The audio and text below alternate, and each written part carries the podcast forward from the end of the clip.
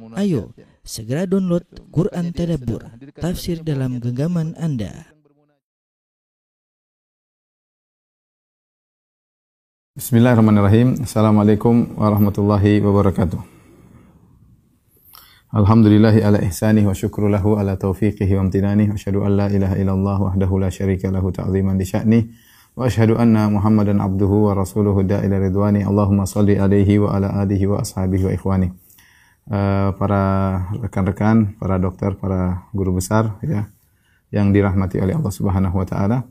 Kita melanjutkan bahasan kita tentang syarah Al-Arba'in An-Nawawiyah yaitu hadis-hadis yang merupakan jawami'ul kalim, hadis-hadis yang lafalnya singkat namun maknanya dalam yang dikumpulkan oleh Al-Imam Nawawi rahimahullah berjumlah 42 hadis yang ilmu tentang agama berputar uh, berkisar hadis-hadis ini. Barang siapa yang menguasai 42 hadis ini dengan memahami maknanya dengan baik, maka secara global dia telah memahami agama Islam dengan baik. Kita masuk pada hadis yang ke-16 an Abi Hurairah radhiyallahu taala anhu dari sahabat Abu Hurairah radhiyallahu anhu anna rajulan qal ada seorang lelaki berkata uh, kepada Nabi qala lin Nabi sallallahu alaihi wasallam. Dia berkata kepada Nabi sallallahu alaihi wasallam ausini wahai Rasulullah berilah wasiat kepadaku. Qala la taqdab kata Rasulullah sallam jangan kau marah faraddada miraran maka dia ulangi lagi ausini ya Rasulullah berilah wasiat kepadaku berilah wasiat kepadaku jawaban Nabi semua sama la taqdab La taqdab, jangan kau marah, jangan kau marah, jangan janganlah marah ya. Rawahul Bukhari, hadis riwayat Al Imam Al Bukhari ya. Hadis ini uh, hadis yang agung menjelaskan tentang suatu akhlak yang sangat mulia yang merupakan sebab masuk surga yaitu meredam uh, meredam amarah ya. Kita sering uh, berpikir bahwasanya masuk surga itu dengan ibadah-ibadah yang kelihatannya sebagai ibadah seperti baca Quran, seperti haji, seperti umrah, ya, kemudian uh, sholat misalnya puasa. Namun terkadang kita lalai bahwasanya akhlak yang mulia itu adalah juga pintu mudah untuk masuk surga. Ya, bahkan Nabi SAW mengatakan, "Ma min syai'in athqalu fi mizanil mu'min yaumal qiyamah min husnil khuluq." Tidak ada sesuatu yang paling berat ditimbang pada hari kiamat ditimbangan seorang mukmin seperti akhlak yang mulia. Di antara akhlak yang mulia yang uh, memudahkan seorang masuk surga adalah meredam amarah, ya, meredam amarah. Uh, kalau orang tahu bahwa ini adalah ibadah, ya, maka dia akan berusaha melakukan ibadah tersebut. Bagaimana kita berusaha bangun malam? Kenapa kita semangat malam? Karena kita tahu itu ibadah. Kenapa kita menyempatkan diri baca Al-Quran? Karena kita tahu itu ibadah, ada pahalanya. Kenapa kita misalnya semangat ke masjid ya? mungkin kita ngantuk tapi kita semangat ke masjid untuk berjamaah karena itu ibadah. Tetapi ketika kita disuruh meredam amarah, kenapa kita tidak meredam amarah? Kenapa kita emosi? Karena kurang menghadirkan dalam diri kita bahwasanya itu ibadah. Bahwasanya meredamkan amarah itu ibadah. Sehingga kita melampiaskan kemarahan. Padahal kalau kita hadirkan dalam diri kita meredam amarah itu ibadah sebagaimana saya baca Quran, sebagaimana saya lihat sunnah, sebagaimana saya puasa, meredam amarah juga adalah ibadah, maka kita lebih mudah untuk meredam amarah, terutama kepada orang-orang terdekat kita. Ya, sebagian orang masya Allah marah sama istrinya mudah, marah sama anaknya mudah, ya, marah sama istrinya mudah, marah sama anaknya mudah. Lebih musibah mudah marah sama suaminya, dimarahin, diomelin terus suaminya ya. Oleh karenanya, ketika dia tahu bahwasanya meredam amarah adalah ibadah, sebab masuk surga, maka dia akan lebih mudah untuk meredam amarah. Jadi hadis ini mengajarkan kepada kita salah satu akhlak yang sangat mulia, yaitu akhlak tidak suka marah-marah ya tidak temperamen, tidak sumbu pendek, ya cepat emosi, cepat tersulut, ya maka seorang berusaha melatih diri agar uh, memiliki uh, akhlak yang mulia, tidak suka marah-marah. Saya akan bahas di sini. Jadi hadisnya, ya kita punya materi judulnya la takdab.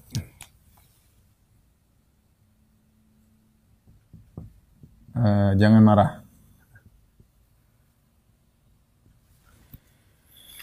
uh, keutamaan keutamaan tidak suka marah. Keutamaan meredam amarah. Apa sih keutamaan meredam amarah biar kita semangat tidak marah-marah ya? Nah, datang dalam Al-Qur'an dan datang dalam hadis. Dalam Al-Qur'an Allah sebutkan di antaranya firman Allah Subhanahu wa taala di antara sifat-sifat orang beriman wa idza ma ghadibu hum yaghfirun. Di antara ciri-ciri orang beriman adalah jika marah ciri-ciri orang beriman kata Allah Subhanahu wa taala jika marah mereka memaafkan memaafkan. Kemudian juga dalam Al-Quran dalam surat Ali Imran kata Allah Subhanahu Wa Taala wasari'u ila maghfiratin min rabbikum wa jannatin arduha as-samawati wal ard lil muttaqin الذين ينفقون في السراء والضراء والضراء wal kadhimin al ghaidh. Ini yang jadi perhatian kita. Wal kadhimin al ghaidh wal afina 'anil nas.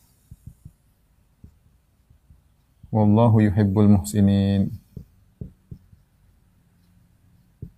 Baik, saya artikan Kata Allah Subhanahu wa taala, bersegeralah kalian wasari'u, bersegeralah kalian menuju ampunan Allah min rabbikum wa jannah. Bersegeralah menuju ke surga surga. Segera menuju kata Allah segera menuju ke ampunan Allah menuju surga. Arduha samawati wal yang luasnya seluas langit dan bumi uiddat lil muttaqin Allah siapkan bagi orang yang bertakwa. Siapa orang bertakwa tersebut? Allah sebutkan ciri-cirinya di antaranya pertama alladzina yunfiquna fis sarra'i wad dharra orang-orang yang berinfak dalam kondisi sulit dan lapang ini ciri-ciri pertama ini ciri-ciri penghuni surga. Penghuni surga. Yang pertama yang berinfak dalam kondisi lapang dan sempit.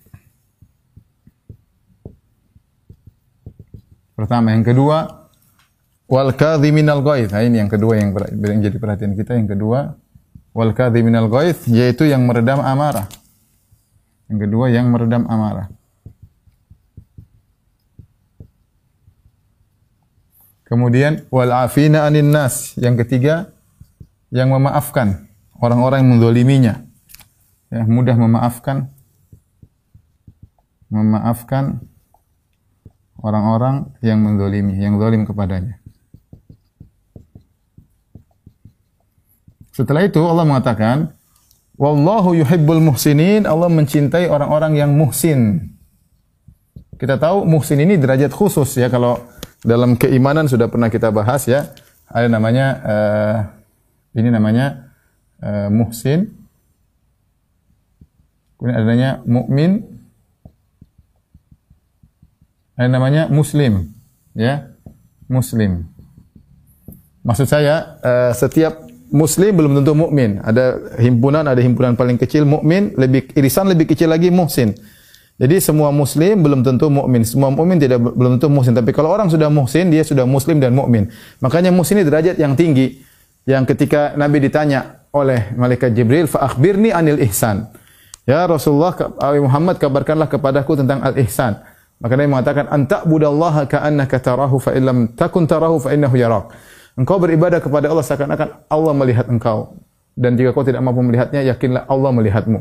Ya. Eh, engkau beribadah seakan-akan engkau melihat Allah, jika kau tidak mampu, yakinlah Allah melihatmu. Jadi ihsan yaitu menghadirkan selalu Allah melihat kita. Ketika beribadah menghadirkan selalu ketika beribadah bahwa Allah melihat kita. Kenapa ikhwan para dokter yang rahmatillah subhanahu wa ta'ala? Karena ini ciri-ciri penghuni surga ini, ini berat-berat ini. Ini semua berkaitan dengan akhlak. Perhatikan ya. Allah tidak sedang berbicara tentang konteks ayat ini. Allah tidak sedang berbicara yang sholat, yang sedek, uh, yang apa, yang puasa, yang baca Quran. Tidak. Tapi ini Allah berbicara tentang sifat khusus ciri-ciri penghuni surga yang berakhlak mulia. Yang pertama, yang alladzina yunfiquna fi sarra'i wad dharra yang berinfak dalam kondisi lapang dan sempit. Kalau infak dalam kondisi lapang kita semua bisa melakukannya insyaallah kecuali yang super pelit, pelit plus, pelit, pelit kuadrat ya. Tapi kalau berinfak dalam kondisi sempit, ini tidak semua orang bisa melakukannya.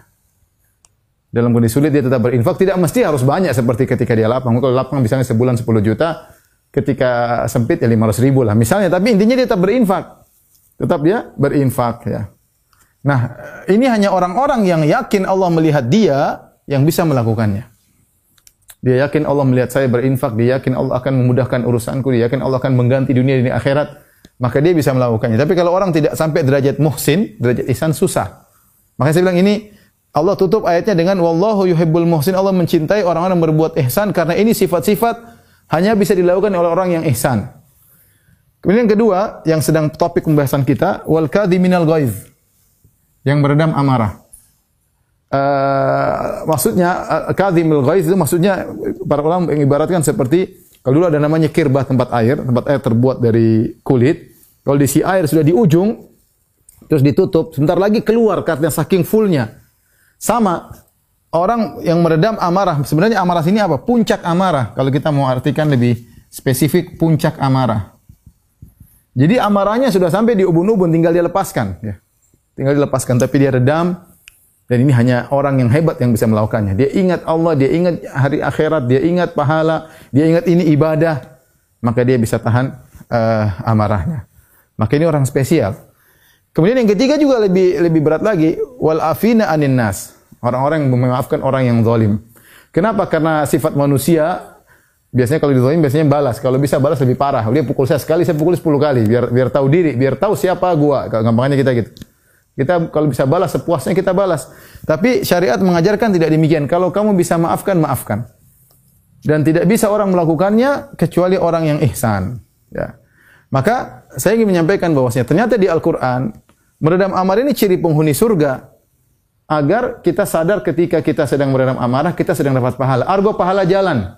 Bapak-bapak suami-suami lagi diomelin sama istri nih. Sudah pulang capek-capek, sore capek, letih, maunya dipijit, maunya disediain uh, kue pisang goreng apa kayak ini malah diomelin sama istri. Kita mau berontak, mau marah, tapi kita ingat sudahlah istri saya mungkin lagi konslet hari ini ya. Coba nanti saya perbaiki apa namanya listriknya ya. Uh, ya udah kita tahan aja, tahan. Ketika kita sedang tahan, argo pahala jalan.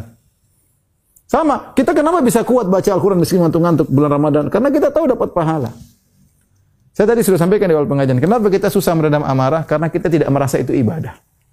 Lain halnya kalau kita tahu itu sedang ibadah. Allah sedang uji saya, Allah sedang lihat saya, Allah sedang perhatikan hatiku. Saya marah atau tidak? Saya enggak marah, ya sudah. Berarti kita telah memiliki salah satu ciri-ciri penghuni surga, yaitu meredam amarah. Ya. Ini dalil Al-Quran tentang keutamaan uh, uh, meredam amarah. Baik. Adapun dari hadis banyak dalil-dalil tentang keutamaan meredam amarah. Yang pertama hadis yang sedang kita bahas. Kata Nabi SAW, La taqdab. Jangan marah. Faraddada miraran la taqdab. Dia ulang-ulang. Ya Rasulullah, berilah wasiat kepada aku. Kata Rasulullah, jangan marah. Rasulullah beri wasiat kepada aku. Jangan. Seakan-akan dia kurang, dia ingin sesuatu yang lain. Seakan-akan dia menganggap, Allah alam, menganggap bahwasanya wasiat Nabi jangan marah sepertinya biasa, hal biasa. Ternyata dia minta lebih, Nabi jawabnya cuma satu, jangan marah. Minta lagi, jangan marah. Dia mikir, kok bisa jangan marah, jangan marah. Sang perawi setelah itu mengatakan, fafakartu ma ma qala nabi fafakartu hina qala nabi ma qala fawajadtu anna al-ghadab jima'u syarri kullihi. Kata orang tersebut, saya pun lalu merenungkan saya lalu merenungkan uh, Nabi yang mengulang-ulang tadi, Nabi Shallallahu Alaihi Wasallam yang mengulang-ulang wasiat tersebut. Maka aku dapati wajatu annal ghadaba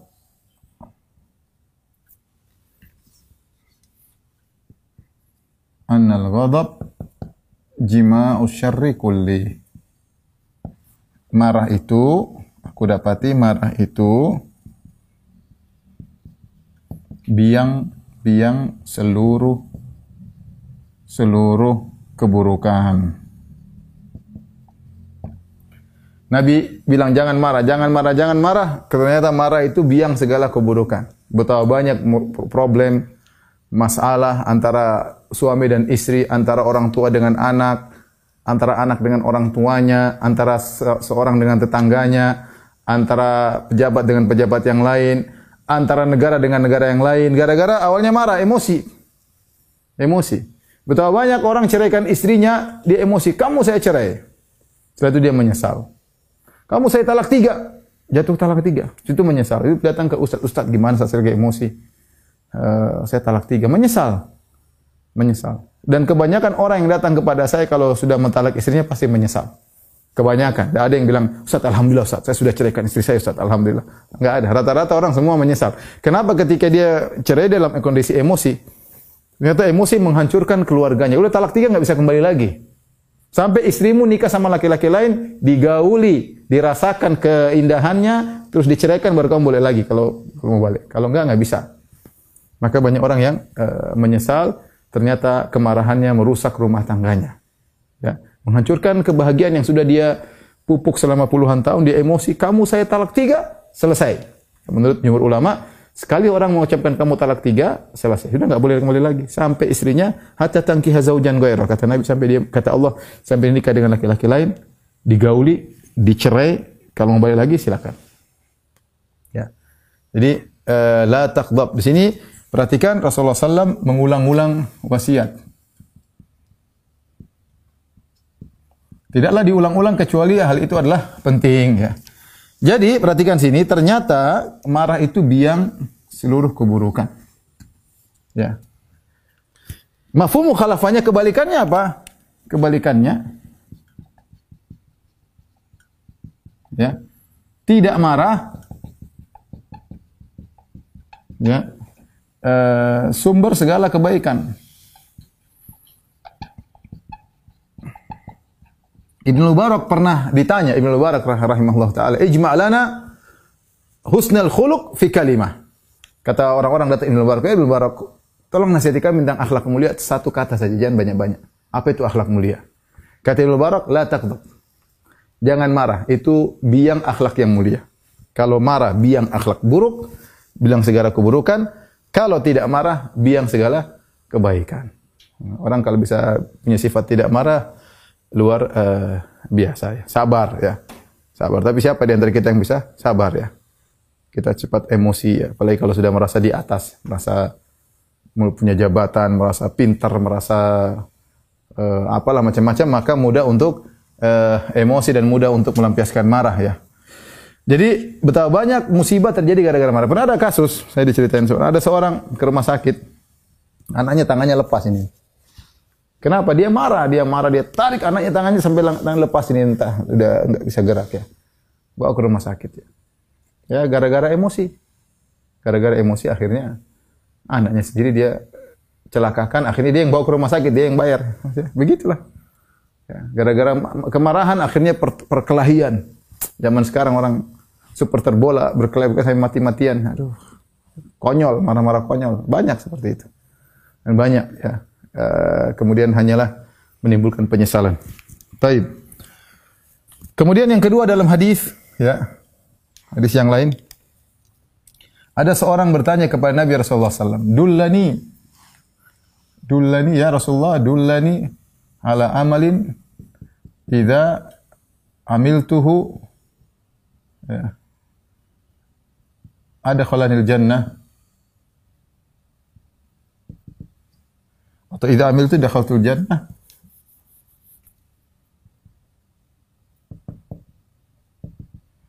Wala tuksir alayya. Orang ini bilang apa? Ya Rasulullah. Ya Rasulullah. Tunjukkan aku amal yang ringan. Yang jangan yang, yang tidak banyak. Kata dia la tuksir alayya, yang tidak banyak, maksudnya mudah. Jika aku kerjakan mau surga.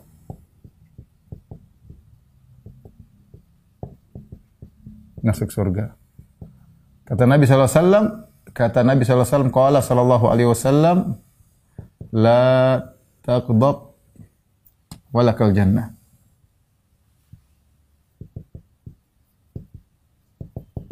Jangan marah masuk surga. Jangan marah kau masuk surga.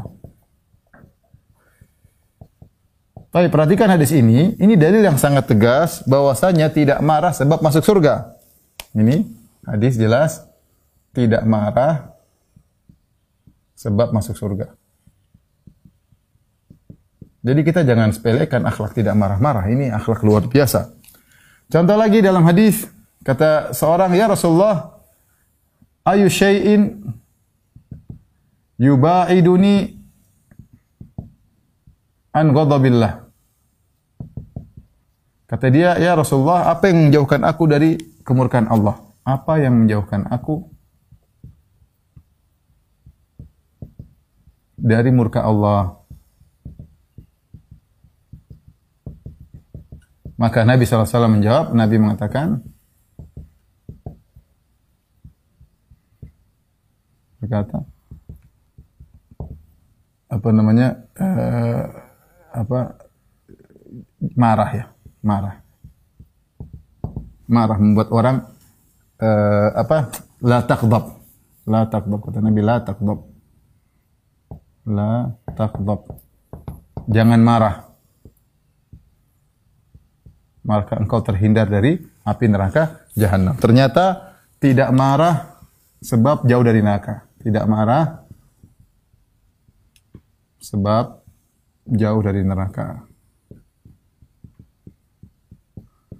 Udah, ini semua dalil tentang keutamaan tidak marah ya, pahalanya sangat uh, sangat banyak ya.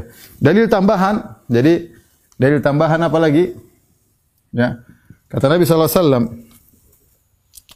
"Man kadhama ghaidhan wa huwa yaqdiru ala an yunaffidhahu da'ahu Allahu yaumal qiyamah ala ru'usil khalaik hatta yukhayyirahu min ayyi huril sya'a. Saya artikan aja. Artinya Rasulullah bersabda, siapa yang meredam amarah, padahal dia mampu untuk melampiaskannya, dia mampu, dia marah, dia mampu untuk melampiaskannya. Maka Allah akan panggil dia pada hari kiamat kelak, ya, di hadapan khalayak, di hadapan banyak orang. Sampai Allah suruh pilih bidadari mana yang dia sukai. Ya. Allah suruh pilih dia bidadari mana yang dia sukai. Siapa yang meredam amarah? Meredam amarah disuruh pilih bidadari.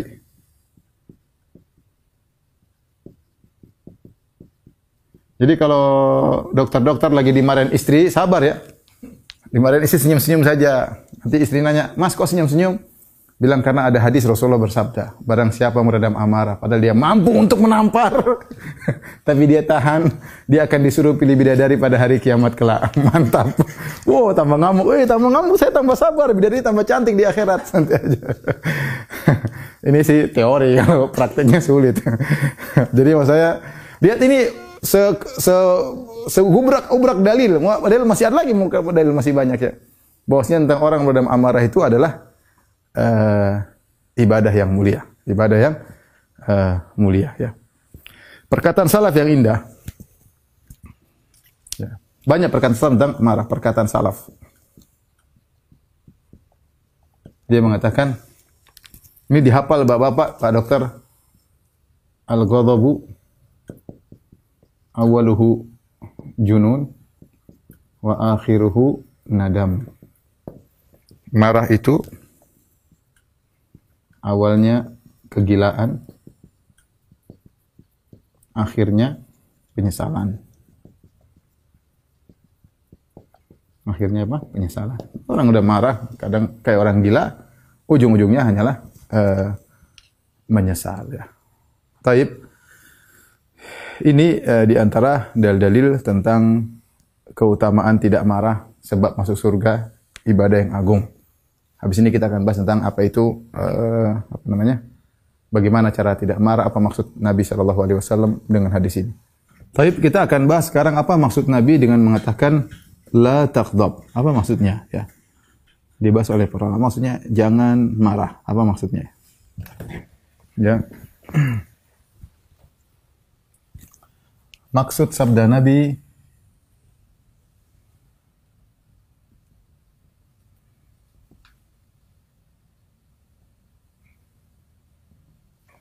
La taghdab. Jangan marah. Apa maksudnya? Ya. Baik. Para ulama uh, menafsirkan dengan dua tafsiran. Pertama, uh, hindari sebab-sebab yang bisa menimbulkan marah. Kemarahan, amarah. Ya. Yang kedua, maksudnya adalah jika timbul amarah, maka tahan. Maka tahan amarah tersebut. Dan lawan. Uh, bukan maksudnya, bukan maksudnya menghilangkan sikap marah. Ini mustahil. Menghilangkan sifat marah. Karena setiap orang ya sudah memiliki potensi untuk marah. Ini tidak mungkin. Ini uh, mustahil. Ya, siapa sih yang mau hilangkan sifat marah ya nggak mungkin. Orang pasti punya potensi untuk marah. Tapi maksudnya jangan marah. Pertama, hindari sebab-sebab bisa menimbulkan amarah. Yang kedua, jika timbul amarah, maka tahan amarah tersebut dan lawan. Taib. Yang pertama, hindari sebab-sebab bisa menimbulkan amarah. Di antara uh, ya sebab apa saja yang bisa bikin kita marah kita uh, hindari. Ya. Contoh apa namanya? Uh, menghindari majelis-majelis yang bikin marah. Yang bikin marah, ya. Misalnya kalau kita masuk ke perdebatan majelis, pasti kita ribut sama dia. Udah nggak usah lah, udah hindari aja. Kita dapat pahala termasuk karena kita tidak mau marah-marah. Ya, misalnya uh, yang bisa bikin marah atau uh, menghindari situasi, menghindari pembicaraan yang bisa yang bisa memancing emosi. Ya sudah kita hindari.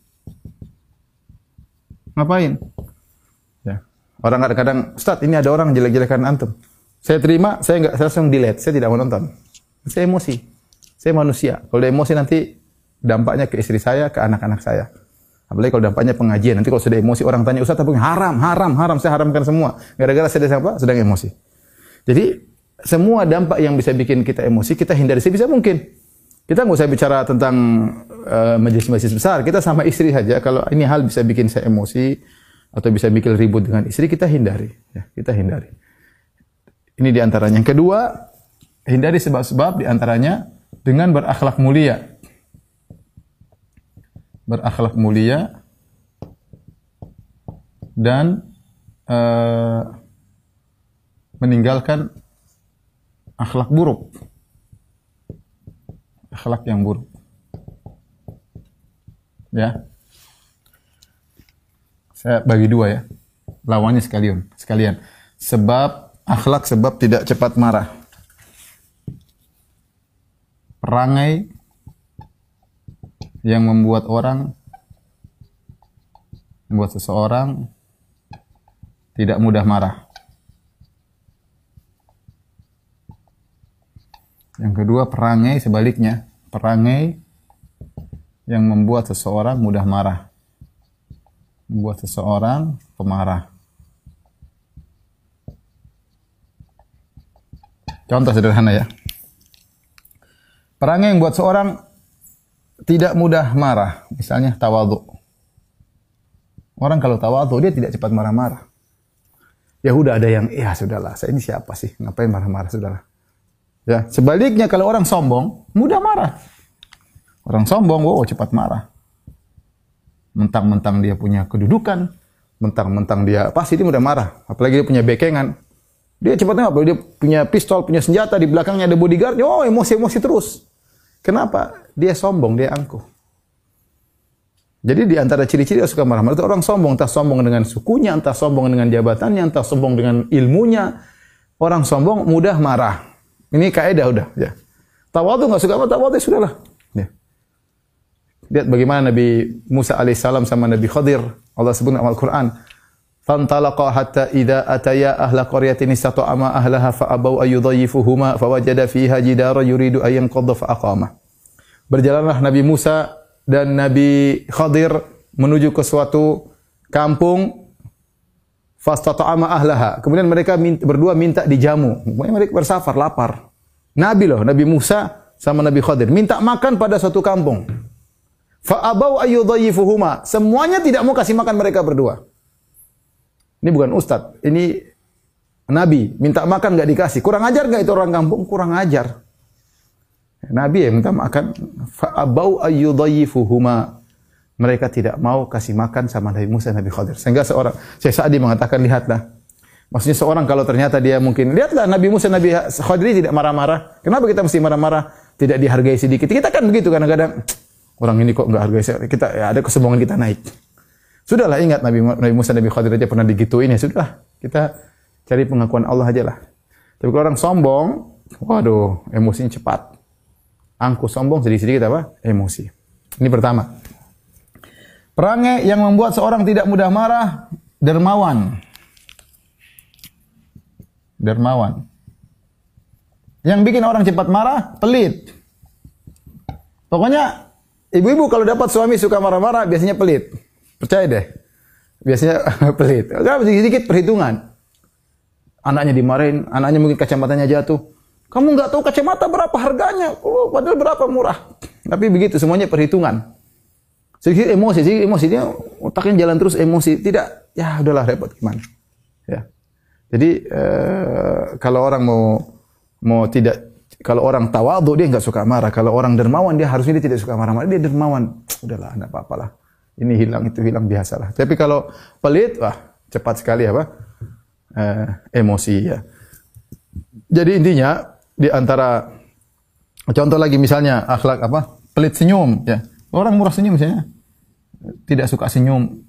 Ini biasanya karena sombong juga. Kalau ini suka senyum. Kalau orang sombong, dia mau senyum susah. Kayaknya senyum itu mahal. Saya nggak mau senyum kepada sembarang orang. Tapi kalau orang tidak sombong, sama Bantunya dia bisa senyum, sama pegawainya dia bisa senyum, ya dapat pahala ya Sama tetangganya dia bisa senyum. Ada orang uh, bahannya abus, apa namanya? Sangar wajahnya, senyumnya mahal. Orang gitu cepat marah. Cepat marah. Jadi intinya akhlak mulia itu menghalangi orang dari suka marah-marah. Tapi ini di antara cara kita bisa menghindari amarah dengan sebab-sebab yang menimbulkan amarah, menghindari akhlak-akhlak yang buruk, menghindari sebab-sebab bikin marah. Sekarang jika timbul amarah apa yang kita lakukan? Beberapa kiat yang diajarkan Nabi agar tidak mudah marah, agar meredam. Sudah marah ini ceritanya. Ini sudah marah, agar meredam amarah. E, kalau saya mau klasifikasi bisa jadi tiga dengan perbuatan, e, perkataan, uh, pikiran. Kalau perbuatan, Nabi SAW di antaranya mengatakan apa? Di antaranya berwudu. Ya, Nabi suruh berwudu. Kalau seorang lagi emosi, ya, uh, marah dari syaitan, uh, setan apa tercipta dari api. Kata Nabi, jika kalian sedang marah, maka berwudulah. Tawadda. Berwudu kita, biar kita tenang. Berwudu karena Allah. Menghilangkan amarah. Ini di antaranya. Di antaranya adalah jika berdiri maka duduk. Jika duduk maka berbaring.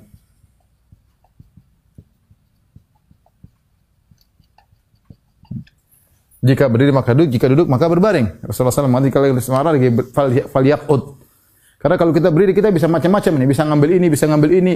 Tapi duduk kita lebih masih marah lagi, udah berbaring aja, sabar. Apalagi kita berbaring di tanah, kita yang dari tanah sudah, kita berbaring. Makanya kisah yang masyur ketika Ali bin Abi Thalib lagi eh, bertengkar sama Fatimah radhiyallahu anha. Ali ke mana? Ali ke masjid, kemudian tidur di masjid.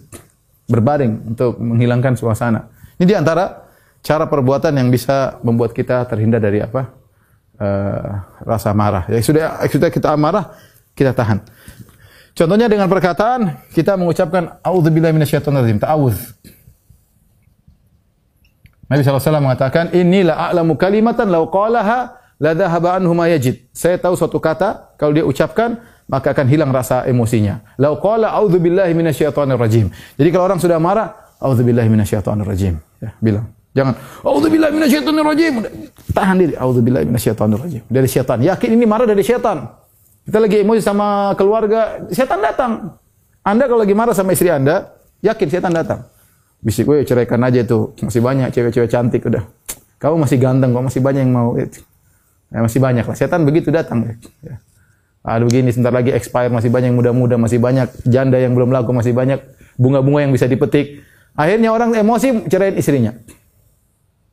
Setan datang. Maka dia bilang apa? A'udzubillahi minasyaitonir rajim. Bahwasanya agar dia terhindar dari godaan setan. Karena marah itu dari setan. Makanya kalau orang latihan tenaga dalam supaya setan masuk marah dulu kan? Coba. Siapa yang ikut tenaga dalam dulu? Oh, emosi dulu. Dia emosi tidak terkontrol, setan masuk. Keluarlah ilmunya, ilmu setan. Karena emosi. Jadi di antaranya agar kita terhindar dari marah, agar kita bisa mengontrol marah, di antaranya auzubillahi minasyaitonirrajim. Di antara yang kedua diam, jangan ngomong. Kata Nabi sallallahu alaihi wasallam, "Idza ghadiba ahadukum falyaskut." Kalau lagi marah kata Nabi, kalau lagi marah diam.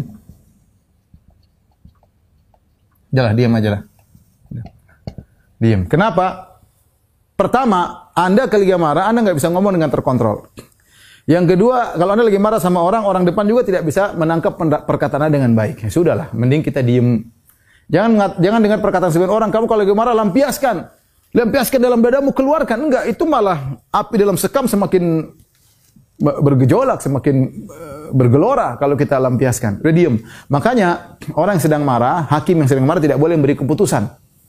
Ya, hakim yang sedang marah keputusan tidak diambil. Contoh ada seorang hakim bilang, "Kamu saya vonis uh, penjara dua tahun."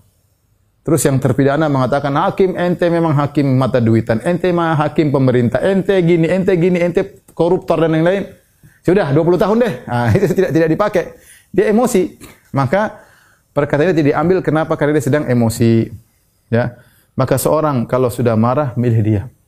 Sekarang diam udah udah lagi marah sama siapa? Tenang dulu. Kalau sudah kita terkontrol, kita boleh bicara. Kalau kita tahu kita sedang terkontrol, tidak kontrol kita diam. Ya, kita tahu diri. Saya sedang marah, saya tidak bisa mengontrol diri saya. Ada orang dia bisa mengontrol dirinya, masya Allah. Ya.